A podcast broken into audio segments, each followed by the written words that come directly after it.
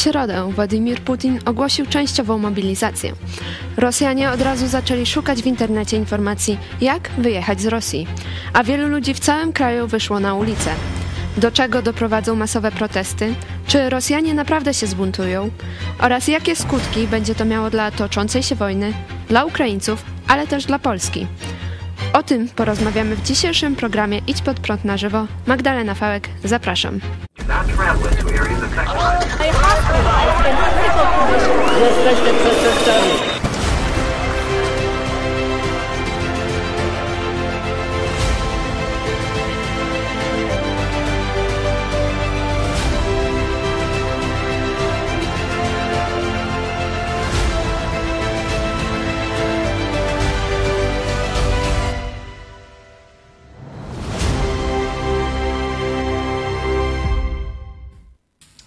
A ze mną w studiu jest e, redaktor Cezary Kłosowicz, e, szef działu informacyjnego w telewizji Idź Pod Prąd. Witam bardzo serdecznie.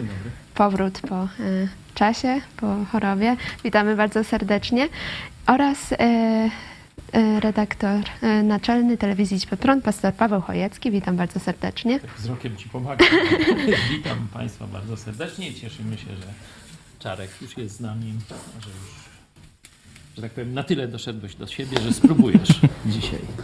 A na łączach jest z nami redaktor e, Michał Fałek, e, pastor, przedsiębiorca, prezes. Witam bardzo serdecznie. Witam Ciebie, e, droga redaktorko, i witam Państwa.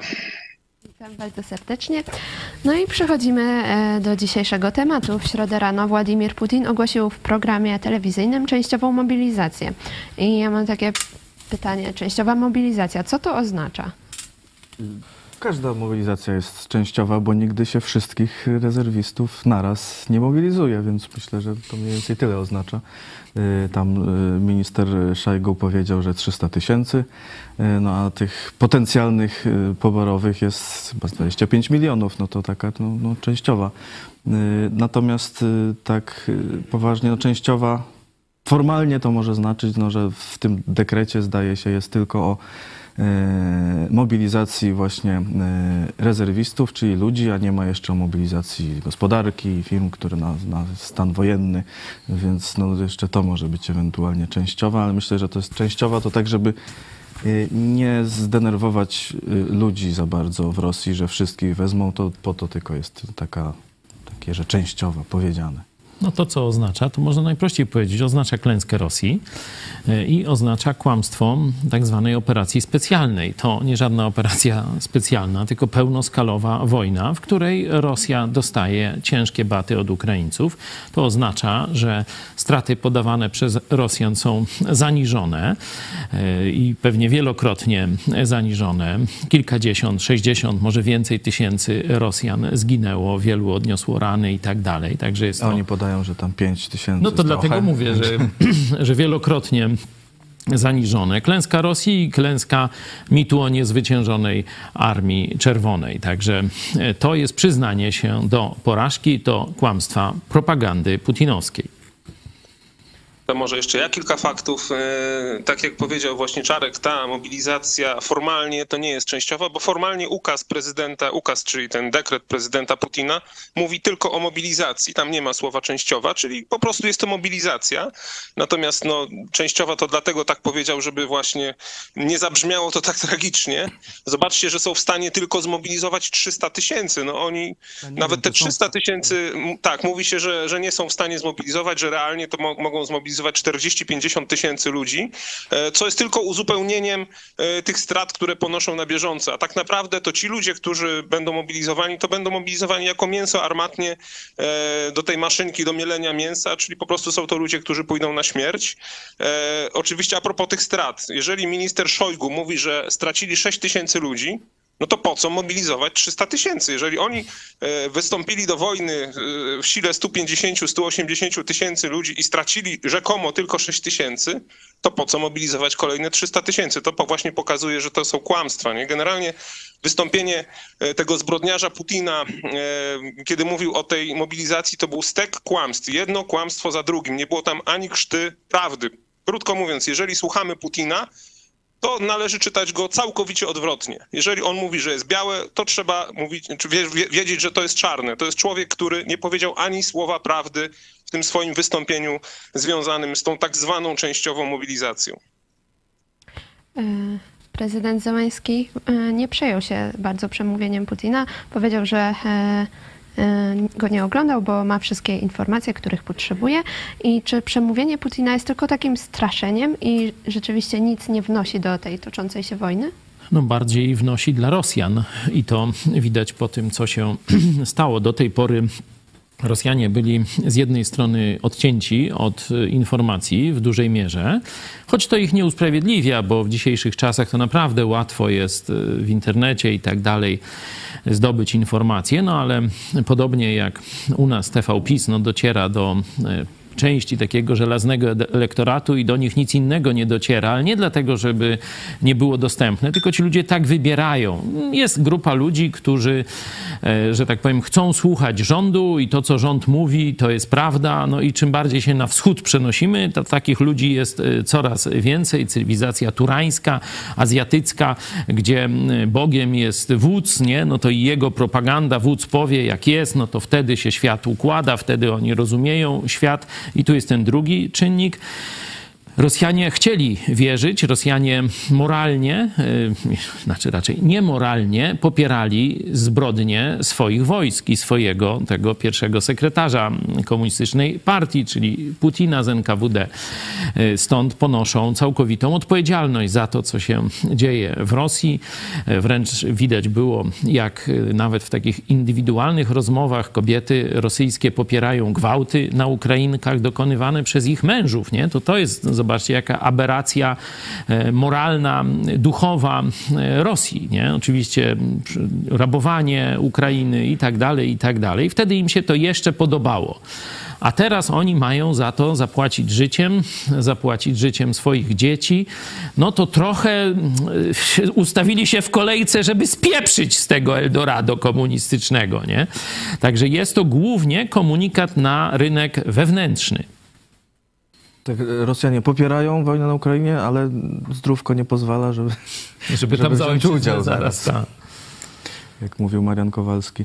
No widać, że to właśnie jest takie poparcie, że chętnie by zobaczyli w telewizji, że tu Rosja wygrała, ale żeby y, iść i dostać krabem, himarsem czy piorunem, no to już, to już nie. No i to się wcale Y, w sumie y, nie dziwię, także myślę, że doskonale wiedzą, jakie są tam sukcesy ich tej czerwonej armii i teraz no, tu protestują, czy albo próbują uciekać wręcz z Rosji na dość dużą skalę, aż bilety podrożały bardzo lotnicze.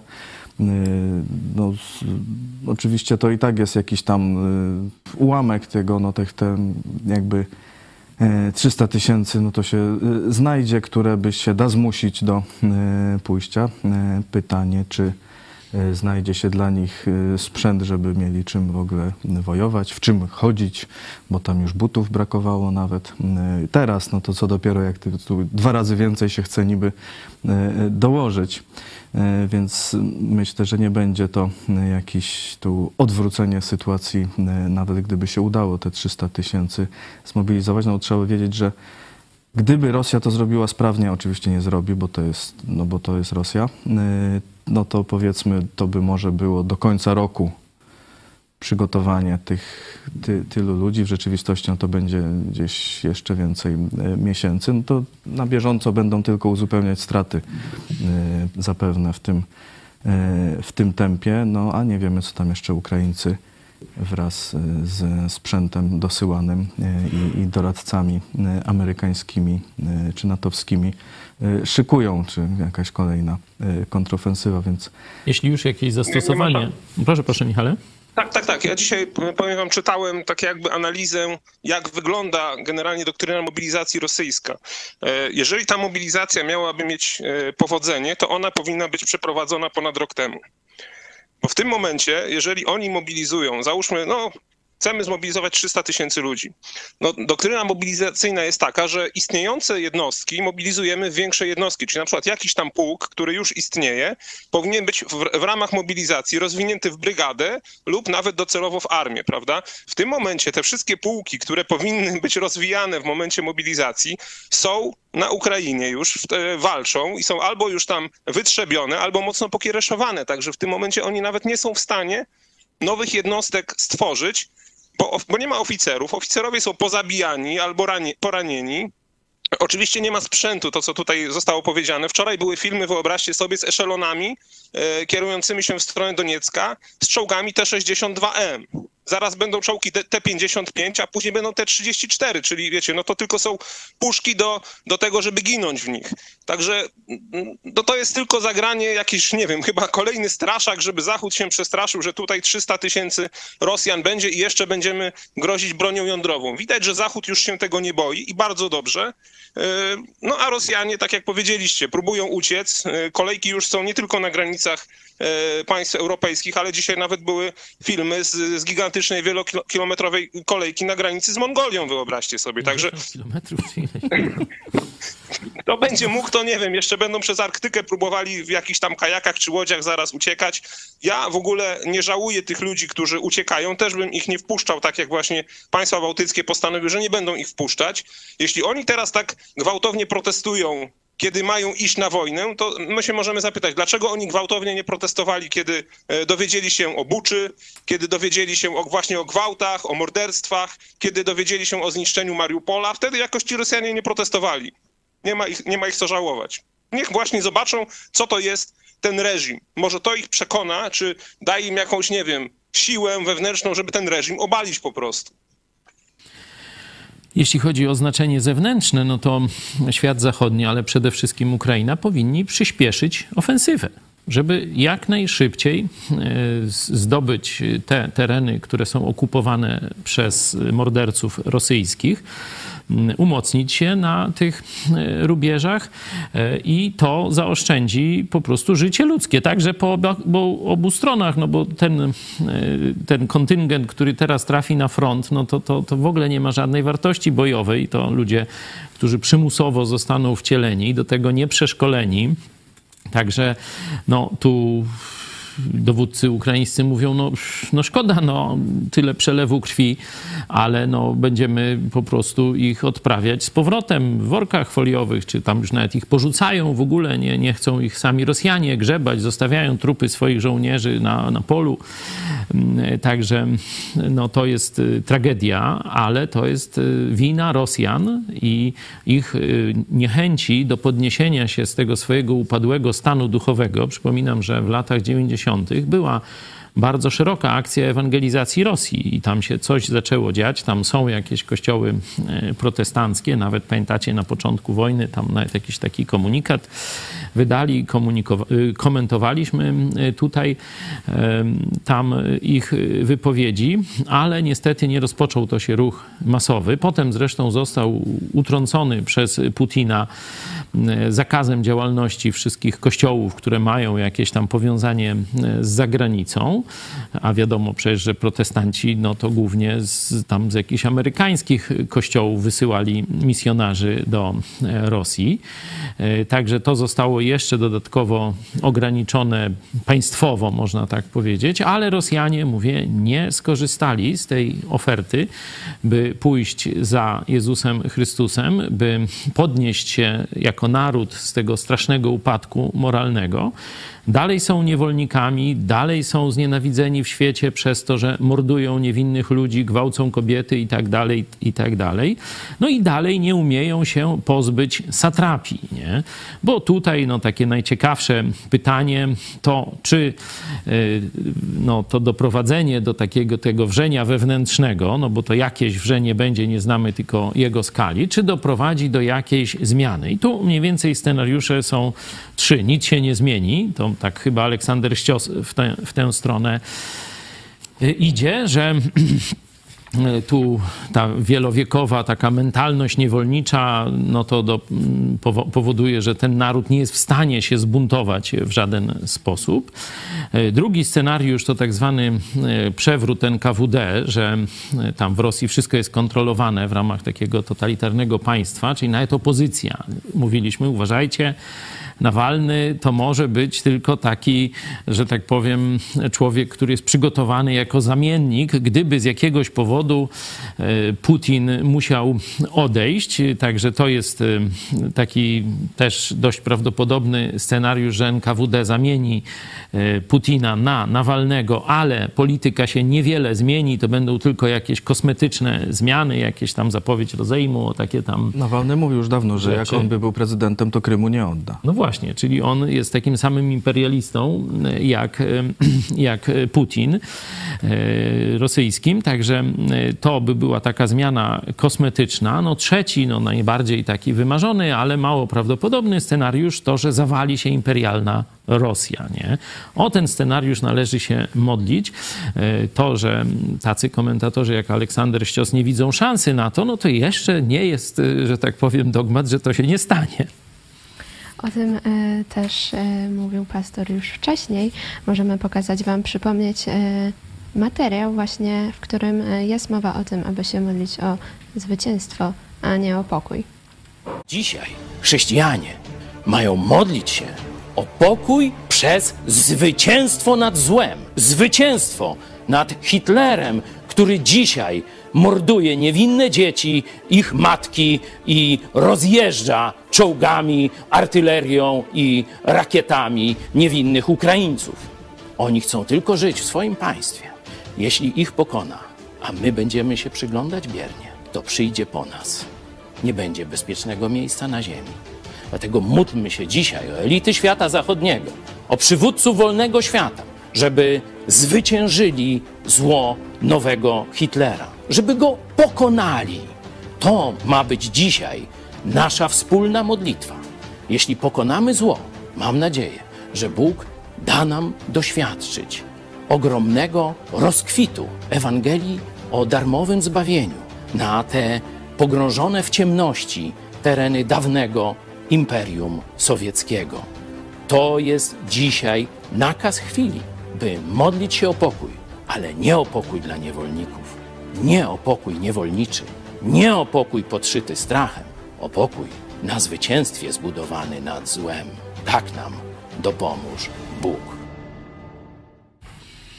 E, też mamy głos od e, Dmytro Matjucina z Centralnego Kościoła e, Baptystów w Zaporożu, który jest kierownikiem Wydziału Duszpasterstwa Społecznego Związku Baptystów Ukrainy i dyrektorem organizacji charytatywnej Miejskie Centrum Pomocy w Zaporożu, który na odpowiedź na pytanie, czy wierzycie w zwycięstwo nad Rosją, e, napisał tak, z pewnością wierzymy w zwycięstwo. Ukraińcy robią w tym e, celu wszystko. Nawet w naszych kościołach przestaliśmy modlić się o pokój, modlimy się o zwycięstwo, ponieważ pokój, który e, może nadejść, może nam się nie podobać. Dlatego modlimy się tylko o zwycięstwo. Tak, ta, ta, mm, to moje wystąpienie no to jest gdzieś tam z pierwszych tygodni wojny. Z jakiego miesiąca, pamiętasz? E, z, wydaje mi się, że z marca. Marca chyba. Także warto to przypomnieć, że to nie, nie dzisiaj, kiedy no, trwa ofensywa ukraińska, kiedy e, Putin przyznaje się do klęski także przed własnym narodem, tylko o to modliliśmy się, o to do tego nawoływaliśmy w pierwszych można powiedzieć, dwóch, trzech tygodniach od rozpoczęcia e, wojny, kiedy no, niewielu wierzyło w taki scenariusz, a on się, zobaczcie, teraz dzieje. Teraz właśnie już generałowie, strategzy Zachodu myślą, czy Rosja upadnie, czy nie. Generał Ben Hodges przecież tu także u nas na antenie o tym mówił, e, warunki konieczne do zwycięstwa i o tym, jak się przygotować na rozpad Rosji. Jak się przygotować na rozpad Rosji. O tym już mówią natowscy generałowie. Myślę, że tutaj ważna e, byłaby jakaś taka zdecydowana odpowiedź Zachodu na tę mobilizację. Owszem, prezydent Biden mówi, że tam dodatkowe 3 miliardy uruchomi. Mówi się o tych 300 miliardach, e, tych co zamrożonych aktywów rosyjskich, żeby je teraz przekazać przekazać Ukrainie. To są wszystko bardzo dobre, e, dobre, mm, można powiedzieć, działania, ale myślę, że tu powinny pójść jakieś działania o charakterze militarnym. Nie mówię o wejściu do gry, bo na to nie stać, wiecie, dowódców amerykańskich czy, czy, czy polityków amerykańskich w tej chwili. E, to jest pewna, e, można powiedzieć, taka trochę tresura uważania Rosji za jakieś tam niezwyciężone państwo i e, konieczne do tego, żeby tam pilnować jakoś, żeby tam nie było jakiegoś bałaganu na tej Syberii, Azji Środkowej. Teraz jest porządek.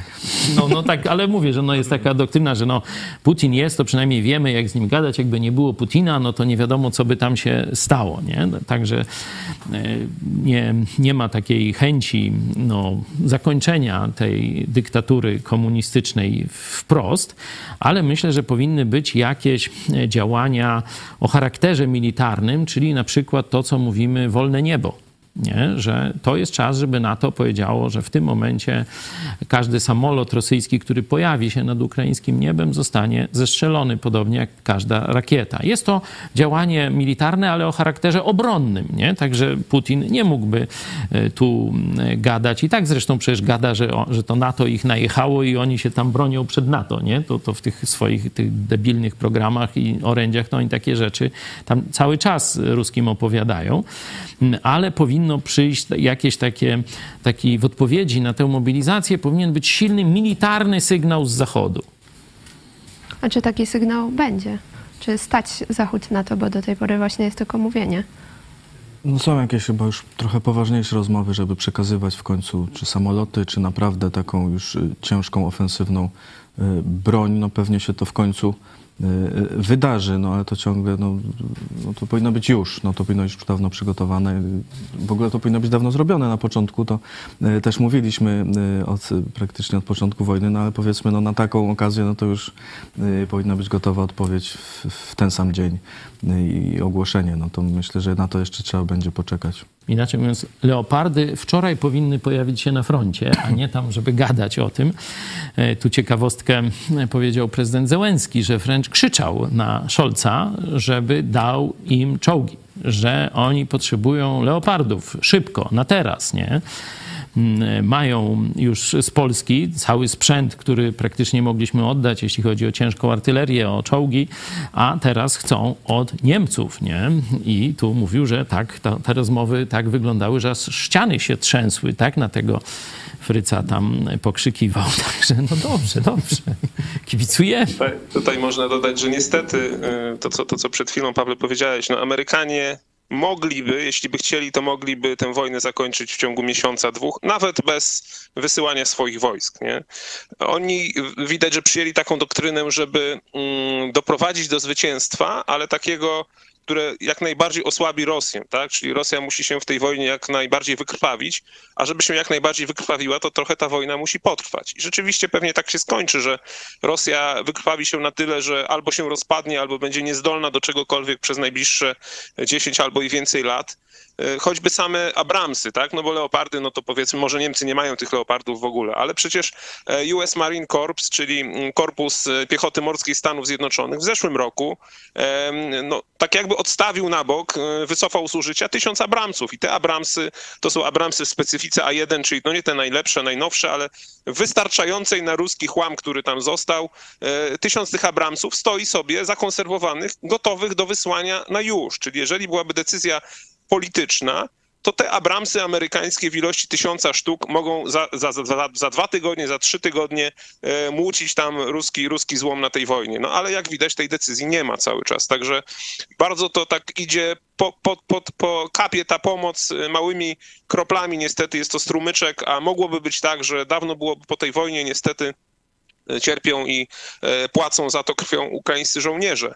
Ale tutaj jest jeszcze jedna dobra wiadomość, nie wiem, czy, czy, czy, czy, czy o tym mm, był plan, żeby pomówić, ale wczoraj była jedna znakomita wiadomość po południu czy wieczorem. W dniu mobilizacji e, prezydent Putin e, uwolnił e, ponad 200 ukraińskich jeńców, w tym tych wszystkich najważniejszych obrońców Azowstalu z całą kadrą dowód, dowódczą, a również tych, można powiedzieć, zachodnich 10 obywateli, którzy też walczyli, walczyli po stronie ukraińskiej. Czyli no, to jest super wiadomość i widać, że to jest, to jest wielki, wielki sukces ukraiński.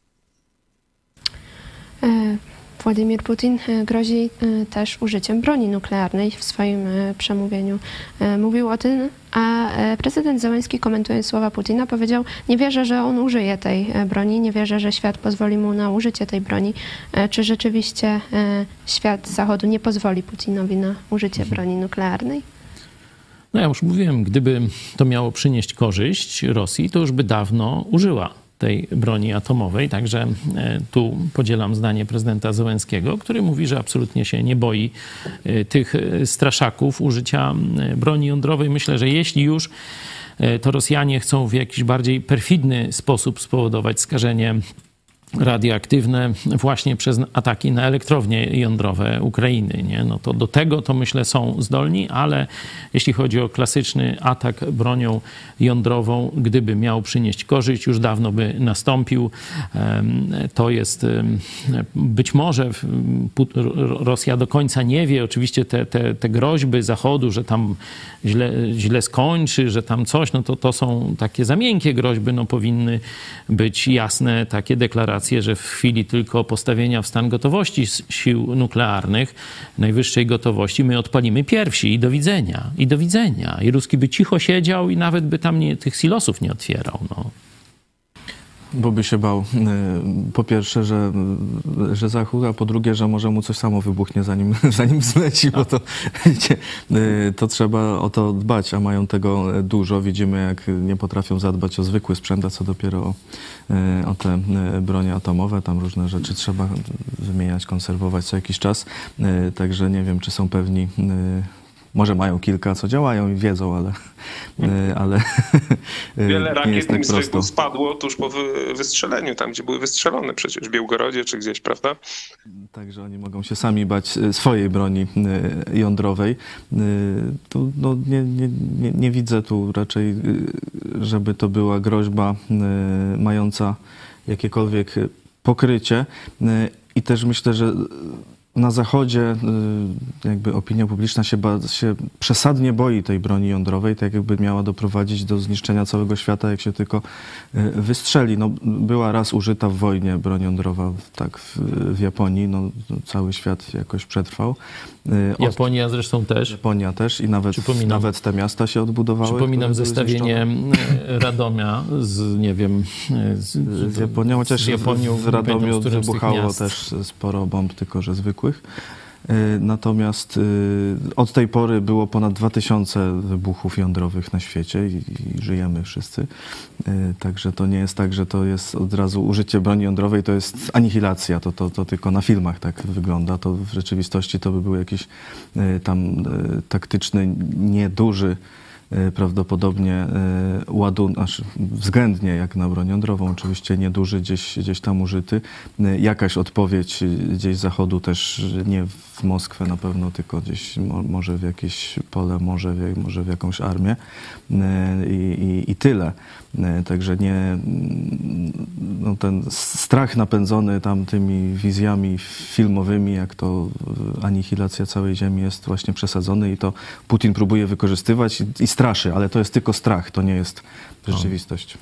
I ogólnie jest taka zasada przy tego rodzaju stosowaniu groźb, gruźb, że e, groźba ma daleko większe znaczenie e, użytkowe dla tego agresora niż jej wykonanie. Że w momencie wykonania tej groźby on całkowicie pozbawia się możliwości grożenia, czyli już nic więcej nie może zrobić. E, Stąd właśnie jest to tylko takie próba zastraszenia Zachodu, żeby pod groźbą Zachód, żeby się wycofywał i spełniał żądania mordercy tego komunistycznego wataszki. To jest jego, jego strategia i dlatego trzeba uważać na dziennikarzy, propagandystów rosyjskich w rzeczywistości, którzy straszą właśnie, że tu nastąpi, co to ta Rosja nie zrobi. No to już żołnierz ukraiński pokazał, co Rosja może zrobić. No i spieprza ruski dziad w kalesonach i zostawia najlepszy sprzęt y, w Ukrainie, także to mówienie o jakiejś tam baniu się potęgi rosyjskiej armii, to jest y, mit rozprzestrzeniany przez propagandystów Moskwy na zachodzie, także w Polsce. A armia rosyjska ani nie wygrała II wojny światowej, bo gdyby nie ogromna, naprawdę ogromna y, pomoc Lend-Lease Amerykanów, to by nic nie zrobili, bo tam szło wszystko łącznie z butami, mundurami, ropa, y, tam samochody i tak dalej. Czołgi, samoloty też. Wszystko. Y, to by nie mieli y, szans. I, I potem widzieliśmy, co w tej, w trakcie, y, po, po wojnie, no to Afganistan y, i teraz widzimy, co w Ukrainie. Y, To samo, to, wce- także to nie jest żadna niezwyciężona armia. Y, No na początku jej istnienia, no to dostali y, od nas y, łupnia, tak, w 20 roku. Y, Także, no, co, tak wracając do poboru, głównym problemem Rosji to nie jest, że mają za mało ludzi, tylko że mają po prostu śmietnik i w głowach, w organizacji, w sprzęcie, wszędzie to jest y, Rosja to jest kraj ulepiony z gówna. Jego jest oczywiście dużo i nim można zalać kogoś innego, ale to nie jest coś, czego się trzeba bać. To trzeba po prostu zgnieść, zaorać, y, wyczyścić y, y, i tyle. No, tu właśnie to, co y, Paweł mówił, y, tu powinny być jasne y, z zachodu sygnały, że po prostu was y, zmieciemy, no, zgnieciemy. Y, Mówię, tę siłę taką, która jeszcze tam została rosyjska, nie mówię, że, że wszystkich Rosjan. Y, I, I tam ich y, zamknąć, jak chcę tam nie rozpędzać, bo żeby się nie roz... Nie, Granice zamknąć. Tak. nie, nie rozpieszli y, po świecie, niech se żyją tam, gdzie, ich, gdzie już gdzie są i jak se będą chcieli posprzątać, to niech sobie posprzątają, ale niech się nie rozlewają poza swoje miejsce. A czy e, Rosjanie będą sami w stanie e, właśnie e, pokonać to imperium zła, pokonać Rosję? Jak zechcą, to będą w stanie. No, tam już y, rewolucja była nie jedna, tylko akurat wyszło im na gorsze. Ale no, no, no jakby tak, no powiedzmy, teoretycznie no to to jest jeden Putin i 140 milionów Rosjan. No, y, także no jakby nikt nie chciał wojny, no to jej nie będzie. Y, Przykładowo, no bo, no bo co? No wszystkich się nie da y, rozstrzelać. Y, Także no każdy kraj ma taką władzę, na jaką zasługuje, czasami nawet lepszą, ale raczej nie gorszą.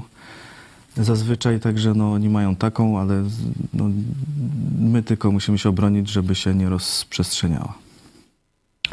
E, Na czacie trwa e, również e, sonda, ankieta na temat protestów w Rosji i możecie głosować. Są trzy możliwości.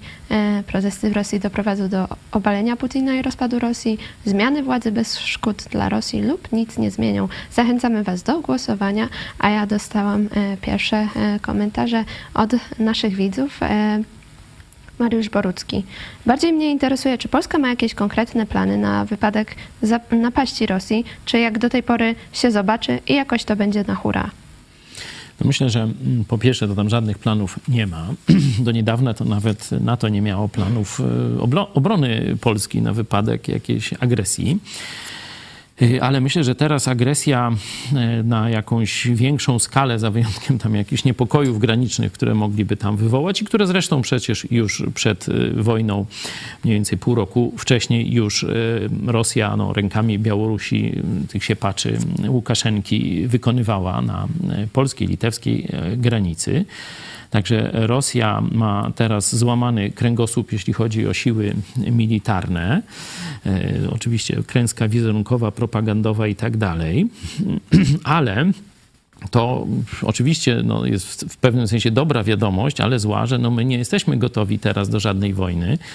E, My ściągamy dopiero sprzęt, my próbujemy tu jakoś montować obronę przeciwlotniczą, nie? bo tu widać było na, e, na przykładzie konfliktu ukraińskiego, znaczy napaści na e, Ukrainę, że właśnie bezkarność lotnictwa i ostrzału rakietowego była najbardziej uciążliwa dla Ukrainy. E, My dalej nie mamy skutecznego systemu odstraszania. Teraz jakieś zakupy samolotów koreańskich, coś tam dopiero się zaczyna e, dziać. Także my do wojny absolutnie nie jesteśmy przygotowani, co widać, że nawet nie jesteśmy przygotowani do e, pewnych e, turbulencji ekonomicznych. Zobaczcie, przecież no nie ma węgla, nie?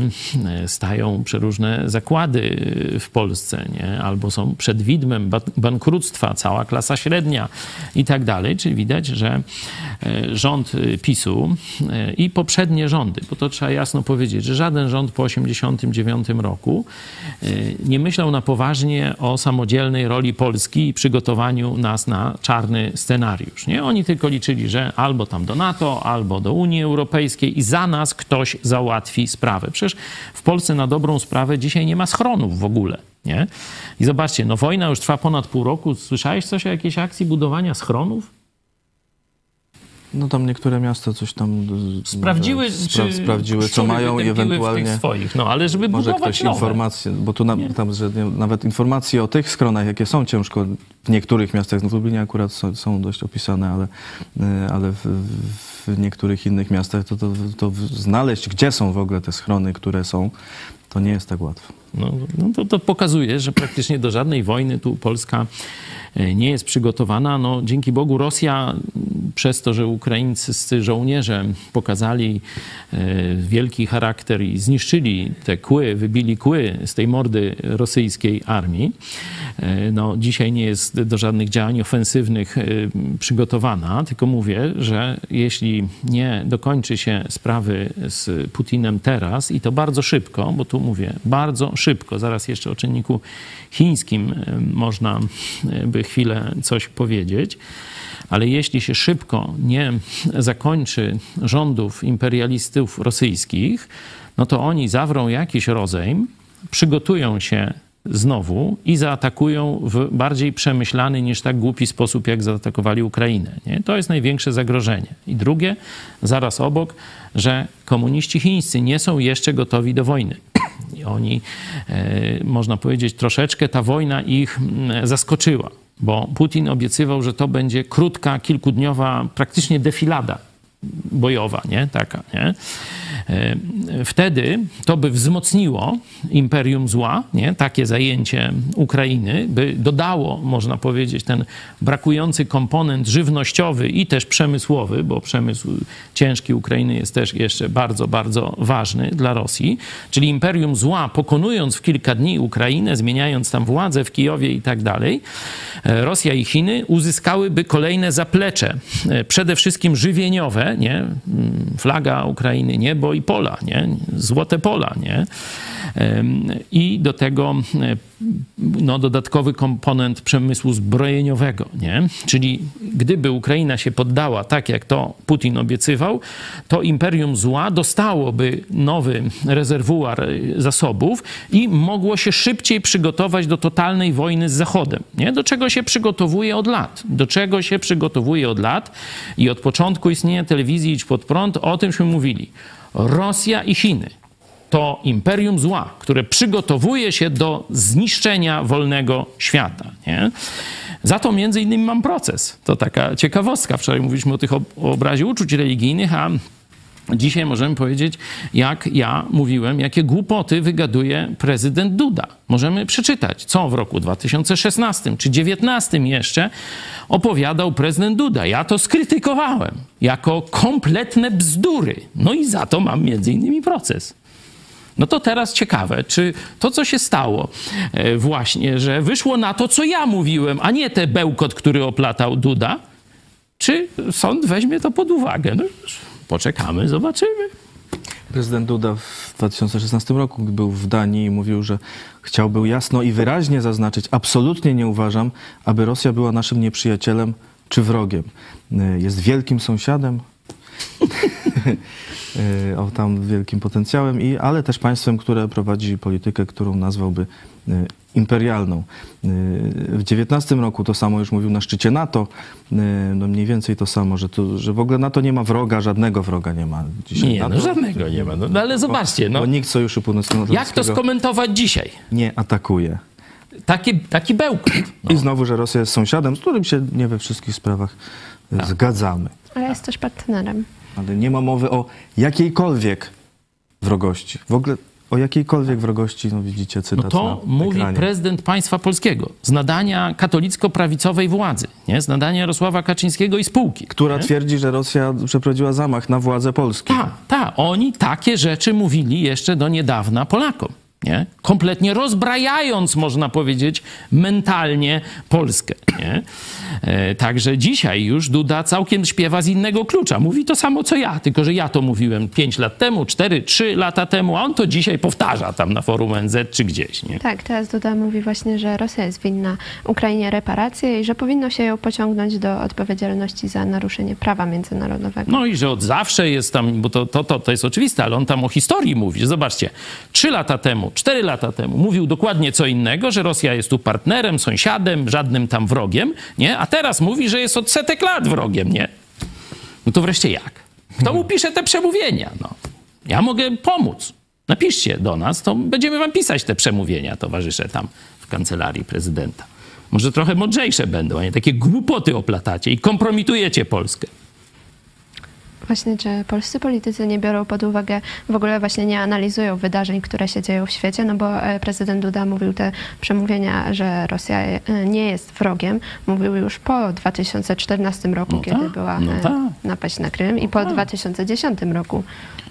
I to jest straszne Jeszcze po właśnie. napaści na Gruzję, no, co, gdzie Lech Kaczyński bronił Gruzji, tak, w którego on był, Duda był kancelarii, także no, widać, że to całkowicie, całkowicie inny człowiek. No tak delikatnie. E, Tomasz e, Szandar, e, komentarz z czatu, póki Putin rządzi, nic się nie zmieni, więc ktoś musi go obalić. Czy naród zdoła? Nie sądzę. A czy oligarchowie dadzą radę? Możliwe, ale najpierw muszą znaleźć zastępcę, który będzie lepszy. I No, właśnie... ale lepszy to w jakim sensie? No, dla nich lepszy. chyba. Bo Putin okazał się głupotą. Dał się oszukać przez swoich tych pomagierów z NKWD, których tam teraz, znaczy on się teraz, jak to FSB się to nazywa, y, których teraz tam albo nagle w basenie umrze, albo jak, nie, tam, albo tam dy- dymisjonują, to to jest jakaś nagroda, nie, no bo tak to normalnie wykańczają tam tych, y, tych oficerów y, wyższych, którzy są winni za preparowanie fałszywych raportów o stanie morale Ukraińców nie? bo oni mu właśnie podali na stół raport car chce wojny, car wygra wojnę. No a car dostał łomot. No i teraz, także jeśli znajdą, to czy mądrzejszego od Putina, bardziej wyrafinowanego, znającego realia i tak dalej, to dla nas źle. Jakby jeszcze głupszego od Putina znaleźli, no to, to dobrze. Redaktor e, Michał Fałek, czy chciałbyś coś e, dodać? No, do wielu rzeczy można się odnieść, które były mówione. Nie wiem, do której najpierw. A propos tych Chin, można powiedzieć, że e, wywiad ukraiński kilka miesięcy temu, jak już, jak już wojna trwała, e, pokazał dokumenty, które dowodziły, że Chiny planowały uderzyć na Tajwan we wrześniu tego roku. Także jeżeli, e, gdyby Ukraina nie nie tak dzielnie nie, nie walczyła, nie stawiła, można powiedzieć, czoła Rosjanom, to po pierwsze dzisiaj być może już rosyjskie czołgi byłyby w Polsce, co jest, co jest wielce prawdopodobne, ale również e, rosyjskie, e, chińskie czołgi byłyby być może na Tajwanie, albo tam by teraz już trwała wojna. Natomiast e, efekt tego jeszcze może nie zwycięstwa, ale tego, że Ukraina się nie dała i rzeczywiście e, dzielnie walczy i mamy nadzieję wygra tę wojnę, jest taki, że Chińczycy, e, prezydent Xi e, w tym momencie, to też chyba sprzed dwóch dni informacja, nakazał swoim wojskom, czy tak jakby oczekiwanie, czy dekret jest jego taki, żeby wojska e, tej ludowo, ludowo-wyzwoleńczej armii, czy tam armii ludowej chińskiej były gotowe do zajęcia Tajwanu do roku 2027, czyli 5 lat, tak jakby dał sobie na to. I widać, że Chińczycy, ich retoryka jest taka, że oni wcale nie, nie rezygnują z wojny e, z wolnym światem. Tak? Ta wojna będzie na kilku płaszczyznach. Na płaszczyźnie gospodarczej i też są, e, chcą się, mm, no, otwarcie o tym mówią, że są gotowi w, w jakimś tam niedługim okresie czasowym na wojnę również militarną. Także to a propos Chin. O i tyle może. Też, e, skrócenie e, tutaj tej wojny, szybkie zwycięstwo Ukrainy jest w interesie wolnego świata, ponieważ przeciąganie tego konfliktu, angażowanie e, wolnego świata, także angażowanie zasobów wolnego świata, wystawianie się na ryzyko destabilizacji społecznej i politycznej, bo przecież przeciągające się trudności no, i propaganda, oddziaływanie propagandy rosyjsko-chińskiej cały czas na nasze społeczeństwa powoduje, że tu mogą dojść do e, jakichś zamieszek. E, Mówiliśmy o podziale w Stanach Zjednoczonych i tak dalej, i tak dalej. Czyli to jest w interesie komunistycznych Chin, bo one mają e, rękami Rosji związany Zachód, a oni się przygotowują do wojny. I jeśli szybko nie zakończymy tej wojny, to Zachód również się, można powiedzieć, zmęczy i wykrwawi, a wtedy Chińczycy uderzą. Właśnie e, rzecznik chińskiego MSZ e, powiedział w środę, że Pekin chce zawieszenia broni w Ukrainie i zakończenia eskalacji konfliktu rozpoczętego w lutym tego roku. E, Mówił też o tym, że Chińczycy apelują o znalezienie sposobu na rozwiązanie problemów bezpieczeństwa po wystąpieniu prezydenta Rosji Władimira Putina. I co to znaczą te słowa? Czy Chiny teraz się Nic nie znaczą te słowa. Jakby, Putin, jakby Pekin chciał zakończenia, to by powiedział Putinowi kończ i Putin by skończył. No, tyle by było y, mniej więcej, y, gdyby coś chciał. Także oni tam mówią, bo trzeba tam coś ładnego Dawać powiedzieć. gołąbka pokoju, jak to się mówi. Nie? Tak, i Ale tutaj- można, można powiedzieć, że wielu z tych takich, wydawało się, krajów, no może nie sojuszniczych, ale takich, które są no jakieś tam neutralnie nastawione albo trochę pozytywnie do, do, Putina, no właśnie teraz, w, wczoraj, przedwczoraj podjęło kroki dystansujące się, bo tak, dzisiaj mamy informację, wyobraźcie sobie, z Korei Północnej, oficjalną, to jest sprzed, sprzed dosłownie tam godziny czy dwóch informacja, oficjalne stanowisko Korei Północnej jest takie, że ani nigdy nie e, sprzedawała żadnej broni do Rosji, ani nie zamierza, czyli Korea Północna nie chce dostarczać i mówi, że nie będzie dostarczać broni. Nie wiadomo, jak będzie e, faktycznie, ale przynajmniej oficjalnie boją się tak jakby stanąć po stronie Rosji. E, Rezygnują z mm, obsługi tego systemu płatniczego MIR em, rosyjskiego e, banki kolejne i to już nie tylko tureckie, bo tureckie wszystkie w tym momencie, te, które obsługiwały, ale również w tych krajach takich Azji Środkowej typu e, Kirgistan, Tadżykistan, Kazachstan, te kraje również się wyłamują, ze współpracy gospodarczej, czyli e, no, z takiego ułatwiania Rosjanom korzystania, e, jeżdżenia po świecie, kupowania i tak dalej, poza Rosją czegokolwiek. E, Także widać, że mm, no, Chiny jeszcze, jeszcze tego nie zrobiły i, e, i no, wygląda na to, że być może nie zrobią, ale no, widać, że tutaj też mm, te inne kraje robią te, te kroki takie antyrosyjskie, czy wycofywania się ze współpracy z Rosją, robią to pod wpływem stanowiska Stanów Zjednoczonych. Generalnie, bo tutaj jeśli chodzi na przykład o ten system MIR, no to, to groźba sankcji amerykańskich, takich wtórnych sankcji, bo już w tym momencie e, decyzja Stanów Zjednoczonych jest taka, że będziemy karać sankcjami tych, którzy pomagają Rosji omijać sankcje. No i wyłamują się z tego pomagania w omijaniu sankcji e, Rosjanom różne kraje. Także e, to są dobre wiadomości. I widać, że to jest też reakcja na, na, to, na tę mobilizację. A propos mobilizacji, jeszcze też jedna informacja, bo tutaj na bieżąco, tak jakby też sobie śledzę Twittera, wychodzą informacje, że e, w ukazie prezydenta Putina jest sekretny, czy tam utajniony paragraf siódmy, który e, pozwala już w tym momencie mobilizować nie 300 tysięcy e, żołnierzy, ale milion. I być może e, oni od początku chcą ten milion zmobilizować. No tak, ale to niewiele zmienia, bo, bo wiadomo, że, tak, tam, że, że w Rosji to, to i tak tam żadne deklaracje rządu nie są wiążące, zrobią co tam chcą. Do tej listy takich ym, nieprzyjaznych, przynajmniej oficjalnych kroków, y, to można jeszcze dodać y, oświadczenia Kazachstanu najpierw o tym, że nie będą broni sprzedawać Rosji, a teraz, że zakazują obywatelom udziału w tej y, wojnie, czyli żeby tam po stronie rosyjskiej walczyli na ziemi ukraińskiej. E, Ale tym bym się tak bardzo nie cieszył, bo tak jak powiedziałeś, to są raczej objawy twardej jakiejś groźby Stanów Zjednoczonych, a nie, że te, mm, te narody w jakiś tam sposób przechodzą na stronę wolnego świata. Nie? No i tego, że po prostu Putin przegrywa, no to Tak, się od tak. niego... No, co, co, To widać co było na tym niedawnym y, spotkaniu y, tych przywódców związanych z Imperium Zła, tam plus Turcja i jeszcze takie, że tam Putin był jak taki parias y, traktowany. Nikt nie chciał specjalnie z nim gadać, także już chyba widać, że on jako przywódca to, to, to już wiele nie zdziała. Nie I on to widział. Mam nadzieję, że to tylko przyspieszy jego koniec.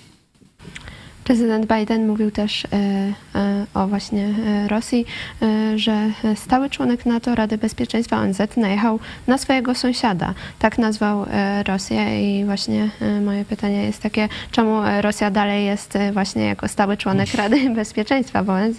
Dlaczego Rosja w ogóle jest w ONZ? To ja bym zapytał od początku, bo, bo nie wiem. Podobno nielegalnie. To już kiedyś mówiliśmy o tym, że właśnie Rosja jako mm, sukcesor Związku Radzieckiego, y, która się no, mówi, że jest sukcesorem Związku Radzieckiego, powinna, kiedy, kiedy tam ten kraj upadł i nowy, można powiedzieć, powstał, powinna być oficjalnie przyjęta. Nie zostało to zrobione. Także formalnie są podstawy do tego, żeby Rosji powiedzieć, jesteś w ONZ nielegalnie, proszę wyjść, nie? No jest teraz sesja Narodów Zjednoczonych. Może coś, e, może coś się stanie na tej sesji ciekawego. E, Rzeczywiście były takie, takie informacje, że być może Stany Zjednoczone e, lub inny kraj będą domagały się tego, żeby Rosję wykluczyć przynajmniej z Rady Bezpieczeństwa. Co nie wiem, czy, czy jest szansa na to, no ale nawet, nawet jeżeli takie głosy by oficjalnie zostały podniesione, to też byłby mm, no, duży, tak jakby, e, no, mm, jeśli chodzi o wizerunek Rosji, duży cios dla niej. No widać tak, jak Liga Narodów niczego nie zmieniła przed II wojną y, światową, tak i widać ONZ, jest tylko jakimś takim sztucznym tworem raczej do działań agenturalnych, jakichś prowadzenia zakulisowych negocjacji i tak dalej, a nie ma e, żadnej mocy spra- sprawczej. Oczywiście to nie tylko e, Rosja, ale także i komunistyczne Chiny powinny zostać stamtąd z hukiem wywalone. Mam też e, głos od e, naszego widza, Mariusz Borucki. E, tutaj jest poprawka do pytania, które zadałam w dzisiejszym programie. Chodziło mi o zapaść Rosji, nie napaść, czyli co zrobi Polska, gdyby się Kacapia rozpadła albo sromotnie przegrała. Królewiec by trzeba było wziąć.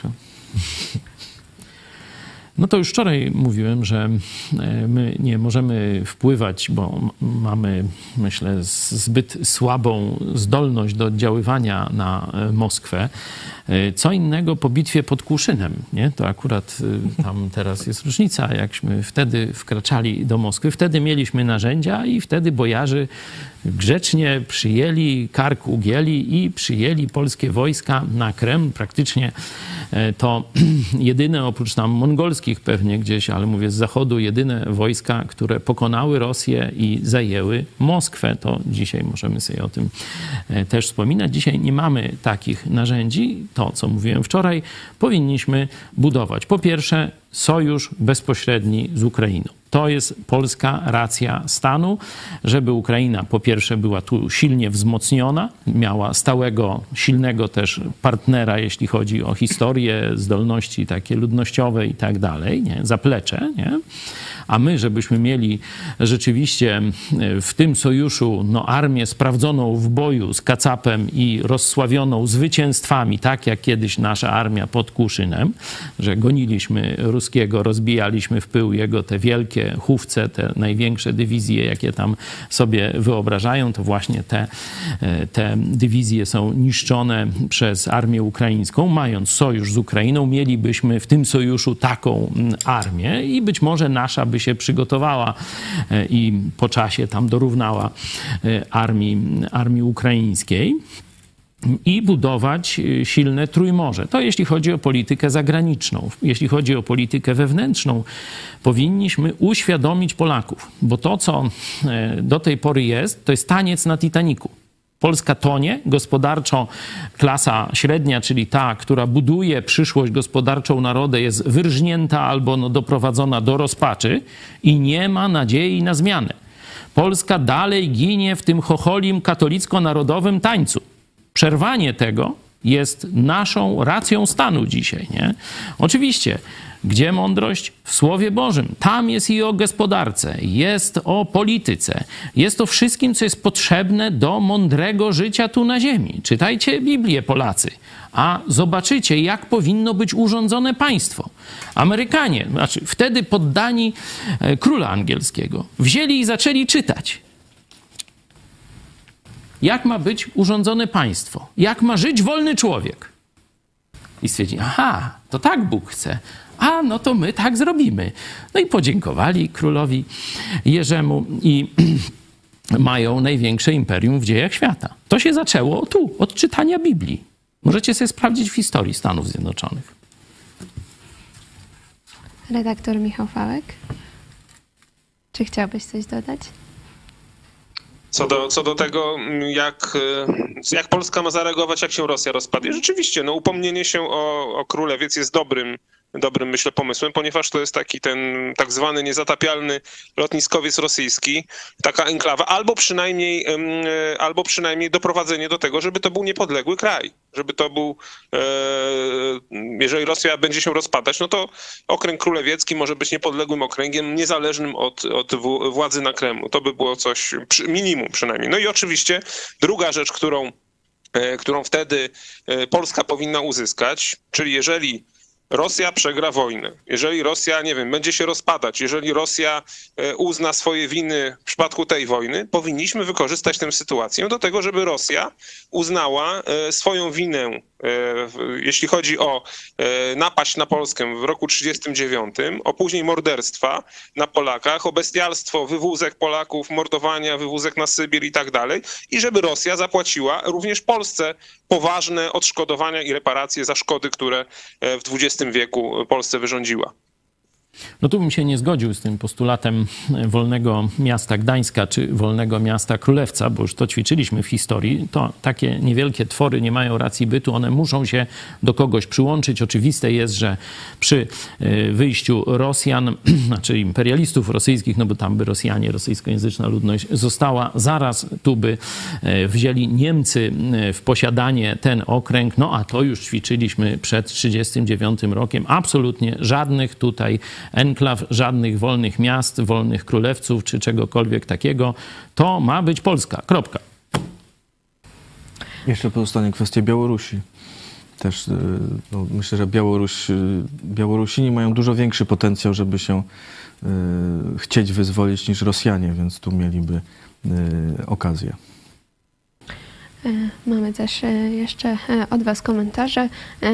Marcin Lewicki. Niestety też się tego obawiam, że zranione zwierzę, miotając się, może zrobić szkodę i zadać wiele ran. No to no to no nie wiadomo, co się robi w takiej sytuacji. No każdy myśliwy jest na taką sytuację przygotowany no i wie, co trzeba zrobić. Józef Midor. Premier zapowiedział budowę tysiąca hal sportowych zamiast schronów. Mówiliśmy nawet o tym. E, Może będą podpiwniczone. No wiecie, mieliśmy i budowę iluś tam tysiąca strzelnic, tysiąca tam strzelnica w każdym powiecie. Wiecie, tak. jedynie co się udało, to chyba boiska zbudowali. Nie? To akurat A to nie ci. Nie znaczy, ci, ale mówię... ci, bo to doradca tam, ale no. Morawiecki przecież budował te, te, te boiska, nie? Jak to się nazywały? Te... Orliki. Orliki, nie? To jedyne, zobaczcie, to stosunkowo niewielki e, koszt e, i to jest, można powiedzieć, porównanie dzisiejszej Polski z Polską przedwojenną. Wtedy zbudowano centralny okręg przemysłowy na przykład, nie? Teraz zbudowano, a czekaj, do, do portu zaraz, teraz zbudowano Orliki teraz y, przekopano Mierzeję, nie? To, to, to jest żaden, żaden sukces. Znaczy, rozumiecie, no to, to jest niewielka robota inżynieryjna, nie, nie przesad. Dobrze, że zrobili, chwalę to i dobra, fajnie jest, nie? Tylko jeszcze, żeby się dokopali tam do Elbląga, e, ale to już inna sprawa. No ale to jest przecież, to jest pikuś w porównaniu z budową portu w Gdyni. A to zrobili nasi furmankami. Furmankami! Rozumiecie? Dzisiaj mamy technologie kosmiczne, a oni się chwalą, kilkaset metrów, czy tam ile tego? Kilometr? Półtora kilometra. Półtora kilometra przekopu piasku, piachu normalnie. A tam zbudowano furmankami i łopatami port. No to to jest właśnie niemoc, impotencja kato komuny, no. A impreza jakby co najmniej kanał Suezki, No. a to tylko kanał Suski. A jeszcze te, jeszcze Jarosławki wybudowali, ale mają ściągać w listopadzie. Te ławki? No. Ale to zaraz, no my zapłacimy za te ławki, czy Polsce zwrócą? Już zapłaciliśmy. Zapłacimy.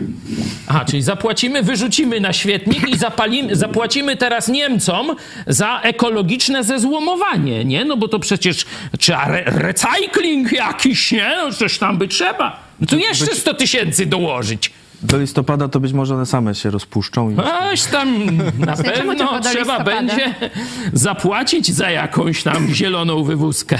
Czemu tylko do listopada, jak już tyle płacimy, to nie wiem, w to trzeba pytać BGK, Bank Gospodarstwa Krajowego. Są tacy gospodarze naszego kraju i tak gospodarują. No. To jest prywatny czy państwowy ten bank? Krajowy, znaczy państwowy.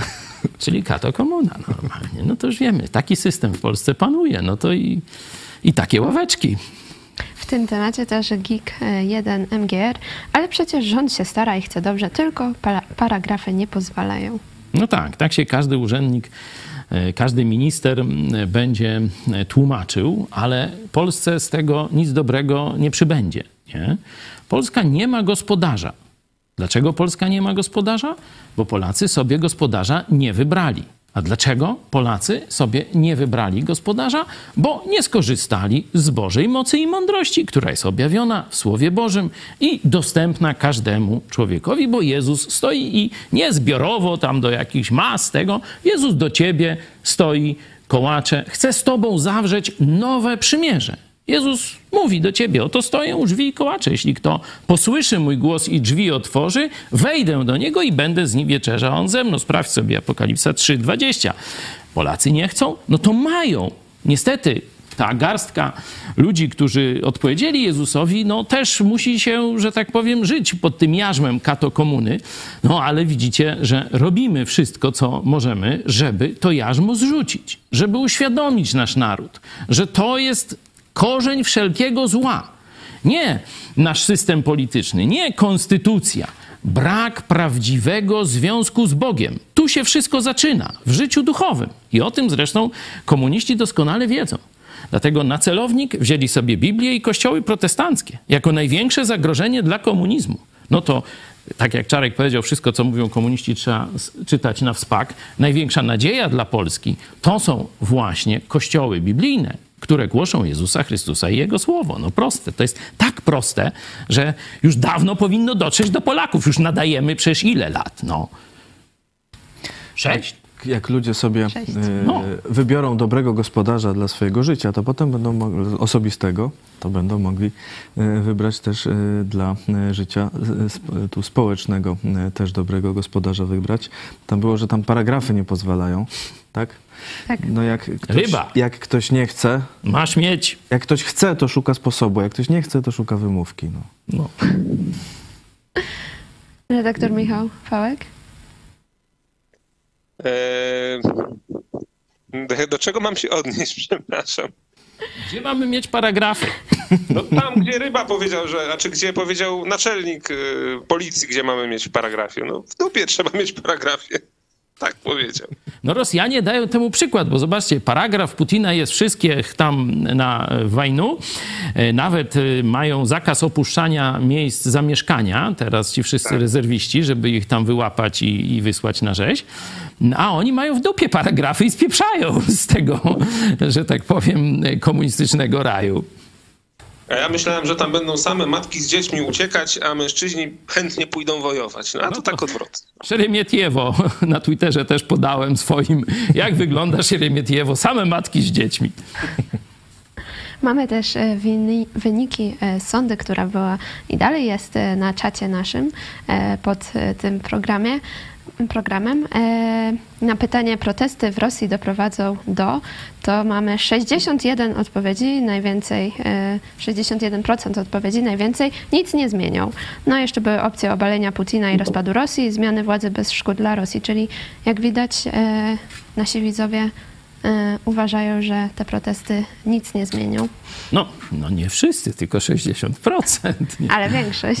Tak, tak, no większość nie i to jest, y, tu się absolutnie zgadzamy, że y, najprawdopodobniej te siły obywatelskie są za słabe i to, cośmy mówili, nie protestowali wtedy, kiedy Putin napadł na Ukrainę. To wtedy trzeba było protestować. Dzisiaj to oni tylko ratują y, swoje nędzne życie w tej niewoli tego socjalistycznego, komunistycznego gułagu. No, lepiej, żeby jednak się ogarnęli, nie? No to tak, mimo że wielkiej wiary w to nie mamy, ale e, taka szansa istnieje, warto się o to też modlić. Tam są też chrześcijanie, żeby Bóg dał im mądrość, dał im odwagę, żeby też uświadamiali swoich tych, no, że tak powiem, pobratymców, skąd, jakie jest przyczyna ich nieszczęść. Że to właśnie w niewoli duchowej zaczynają się ich te wszystkie kłopoty. E, Będziemy już... Same protesty pewnie y, nie zmienią. No, Mogą być jakąś tam y, częścią tego, że y, Rosja ostatecznie przegra i, i padnie, no bo jakby tak ochoczo szli do walki, no to byłaby trochę inna sytuacja niż jak uciekają i nawet pewnie jak tam kogo zmuszą, to i tak będzie tam szukał jak uciec i którędy, a nie żeby gdzieś tam się bić i walczyć. No to taki dowcip jest właśnie też na Twitterze, że na komisji lekarskiej jedzie pan na Ukrainę. Nie wiem, czy tam wy, towarzysz, czy nie. Ale nogi u mnie nie. O, to dobrze. Y, To nie uciekniesz z pola walki. A to też robią, że tam są, już są oferty bezbolesne łamanie rąk. żeby nie, bo tam, żeby nie brali. E, Będziemy już e, powoli przechodzić do ogłoszeń, ale jeszcze na koniec e, taka smutna informacja. Dzisiaj odszedł z tego świata Edward Mosberg, polski Żyd ocalały z Holokaustu i możemy puścić Państwu krótkie wspomnienie, fragment wywiadu dla telewizji Idź Pod Prąd. Zapraszamy. Mogę powiedzieć jedną rzecz, że Polska jest przyjacielem Żydów. Ja urodziłem się w Krakowie i byłem podczas wojny byłem w różnych obozach.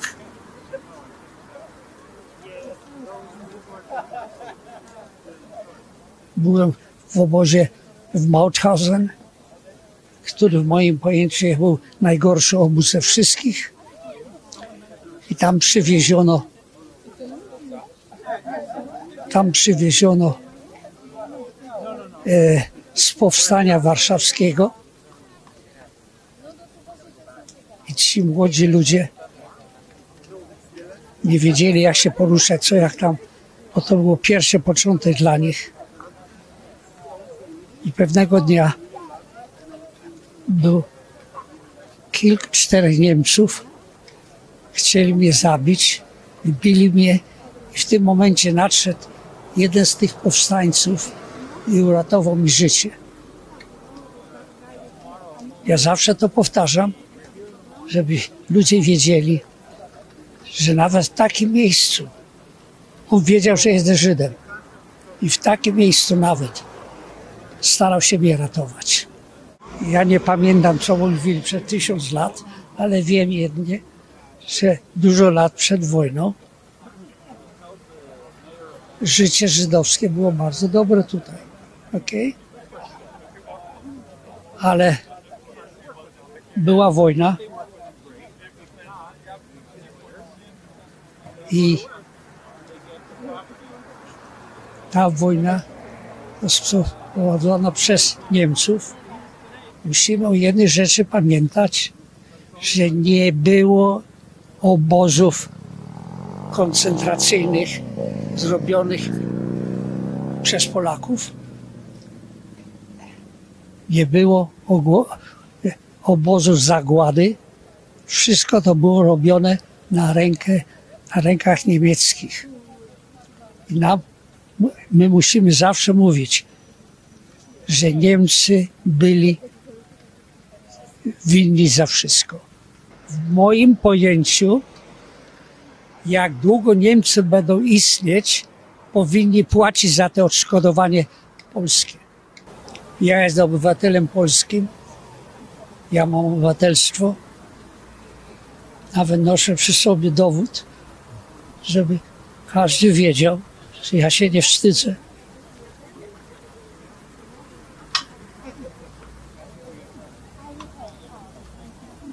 To jest mój paszport.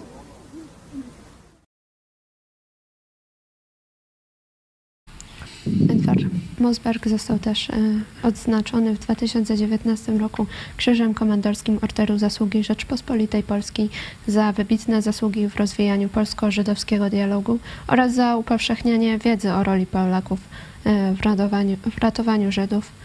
E, Czy chcieli Proste słowa, e, proste słowa, jasne, dobitne, to wszystko wina Niemców. Nie było polskich obozów zagłady. Dziwne, że polska dyplomacja nie wykorzystuje e, tego typu jasnych wypowiedzi, tego etnicznie Żyda, ale sercem i obywatelstwem Polaka. E, To był przywilej e, móc gościć na naszej antenie. To pokolenie już odchodzi. To cieszę się, że mieliśmy okazję zarejestrować dla Was tę wzruszającą historię powstańca, który w obozie śmierci ratuje jeszcze życie Żyda. Powstańca Polaka, który ratuje życie e, drugiego Polaka, który jest pochodzenia żydowskiego. Piękna, przejmująca historia. E, I ci ludzie już odchodzą. To widać, że wchodzimy w, nowo, w nowe pokolenie, kiedy ich y, depozyt pamięci, ich życie, ich historia, zobaczcie, mamy jeszcze ludzi, już nie mamy, ale mieliśmy do e, niedawna, którzy pamiętali okropieństwa Hitlera. A zobaczcie, że już rozpoczęły się nowe okropieństwa Putina, a to dopiero przecież początek możliwości komunistów. Planują zagładę całego świata. Nie? Widać, że świat nie uczy się, tak jak się mówi, że wyciągajmy wnioski z historii, nigdy więcej wojny. Zobaczcie, takie rzeczy jeszcze pokolenie moje, to tam na akademiach szkolnych ciągle e, ciągle powtarzało, że widać, że nawet pamięć tych bohaterów, którzy przeżyli Holokaust, przeżyli II wojnę światową, nie pomaga nam, żebyśmy wyciągnęli wnioski z historii, żebyśmy zmienili nasze życie. To myślę, niech będzie taka ważna lekcja, nie? że zobaczcie, wiemy jak było, a powtarzamy dzisiaj te same błędy w tym rozprawianiu się z nowym Hitlerem, Putinem, Xi Jinpingiem. Wielka strata, tu też pan Daniels mówi, że no jego serce tam rozerwane, krwawi i tak dalej. Dla wielu, szczególnie Żydów, y, to odejście tej ikony, no to to jest koniec pewnego etapu historii. Także wyrazy współczucia będziemy pamiętać.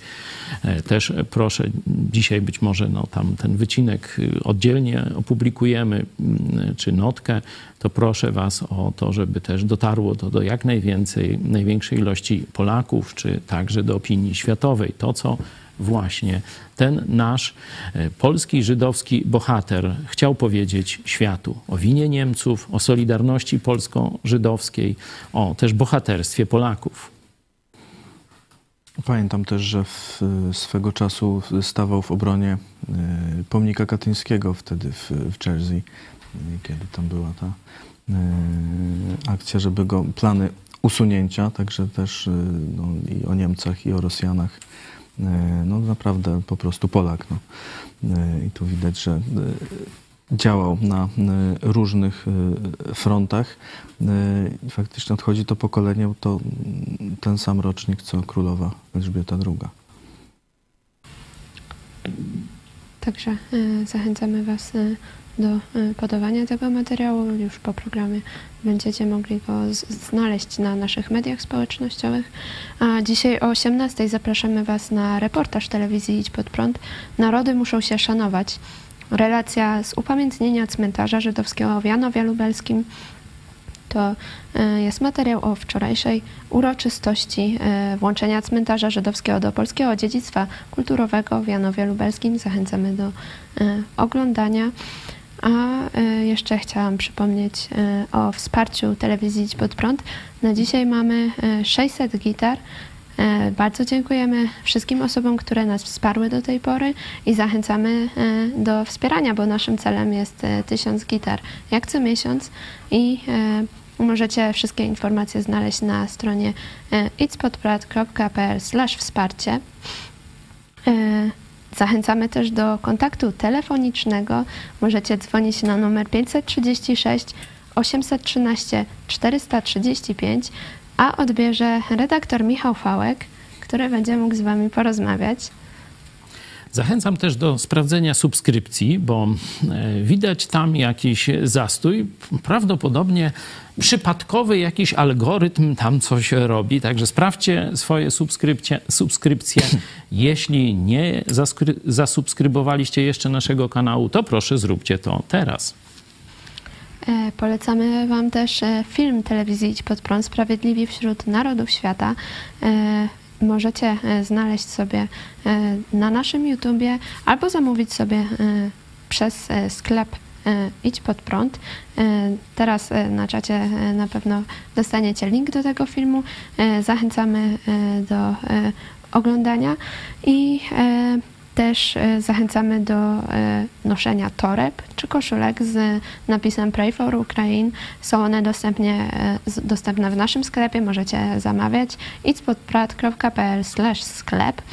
E, Teraz na zimę to jakieś takie swetry, nie? Bo to zima, że tak powiem, kiedy PiS się nami opiekuje, czyli będzie zimno, to może już koszulki, no to tam nie wiem, ale... Trzeba kilka podkoszulków, Kożuchy. potem swetry na warstwowo. I tylko na wierzch taka koszulka.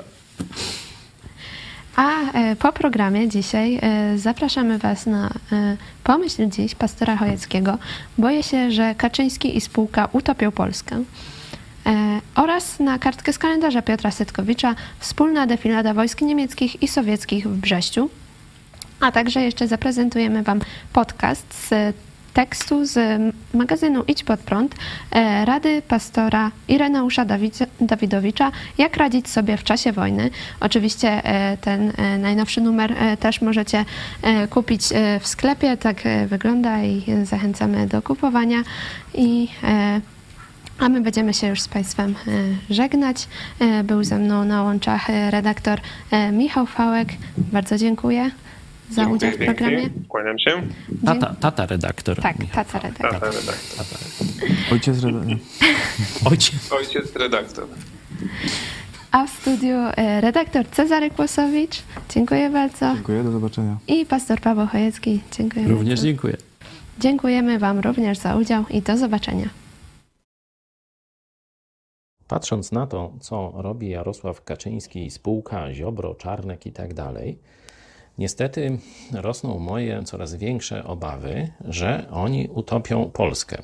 Oczywiście nie tylko przez socjalizm, przez biurokrację, przez kolesiostwo, nepotyzm, rozkradanie Polski, pewne głupie decyzje polityczne czy geopolityczne, ale troszeczkę jeszcze w inny sposób. Otóż oni ze względów albo swoich przekonań, co do Kaczyńskiego myślę, że bardziej ze względów koniunkturalnych, myślą, że ich władzę uratują czy podpierają e, hierarchowie, biskupi katolicy, bo oni mają wpływ na tak zwany lud. No lud musi pójść i zagłosować, czyli oni mając e, poparcie biskupów, mają władzę w Polsce. Dlatego muszą, żeby utrzymać w ten sposób władzę, muszą ratować e, hierarchów katolickich. Ogólnie muszą ratować Kościół katolicki, jego władzę, jego wpływy w społeczeństwie, jego uprzywilejowaną pozycję, jego tuczenie finansami państwowymi, jego bezkarność i tak dalej, i tak dalej. Nie? Czyli muszą utrzymywać dominację Kościoła rzymskiego nad Polakami. Muszą e, w ten sposób działać. I teraz tak, oni, szczerze lub nie, nie wiem, mówią, że bronią polskości przed tam agenturą niemiecką, rosyjską, taką, śmaką czy owaką. Nie? Być może to jest nawet prawda. Ale jeśli oni sprawę polską na sztywno łączą z hierarchią Kościoła katolickiego, z Kościołem rzymskokatolickim, a ten Kościół upada, szczególnie w młodym pokoleniu, traci kompletnie autorytet i szacunek, to moja największa obawa jest, że oni wraz z tym ratowaniem Kościoła utopią Polskę bo łącząc na sztywno sprawę patriotyczną i sprawę polską z Kościołem rzymskim, przy upadku Kościoła katolickiego utopią sprawę polską. To jest największe zagrożenie. A rozwiązaniem jest powstanie siły patriotycznej, która oddzieli sprawę polską od Kościoła i hierarchii rzymskokatolickiej. Tym celem kierujemy się w działalności Idź pod prąd.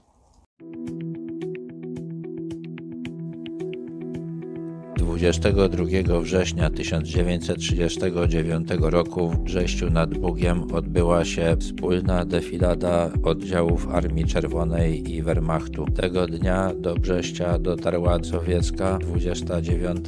Brygada Pancerna dowodzona przez kambriga Siemiona Kriwoszejna. Niemiecki 19 Korpus generała Heinza Guderiana dotarł do miasta 14 września. Oddziały polskie dowodzone przez generała Konstantego Plisowskiego broniły znajdującej się za miastem twierdzy brzeskiej. Zacięte walki trwały do 16 września. W nocy z 16 na 17 polskie wojsko wycofało się do Terespola, ponieważ zgodnie z układem Ribbentrop-Mołotow Sowieci mieli zająć tereny polskie aż do Wisły. Generał Guderian postanowił przekazać im Brześć. Zaproponował, aby przed uroczystym przekazaniem miasta odbyła się wspólna defilada obu armii. Początkowo Siemion Kriwoszejn nie chciał się na to zgodzić, obawiając się, że, że jego oddziały zmęczone marszem będą na defiladzie wyglądać gorzej niż wypoczęci Niemcy. Ostatecznie zgodził się, żeby w defiladzie wziął udział jeden batalion czołgów z jego brygady.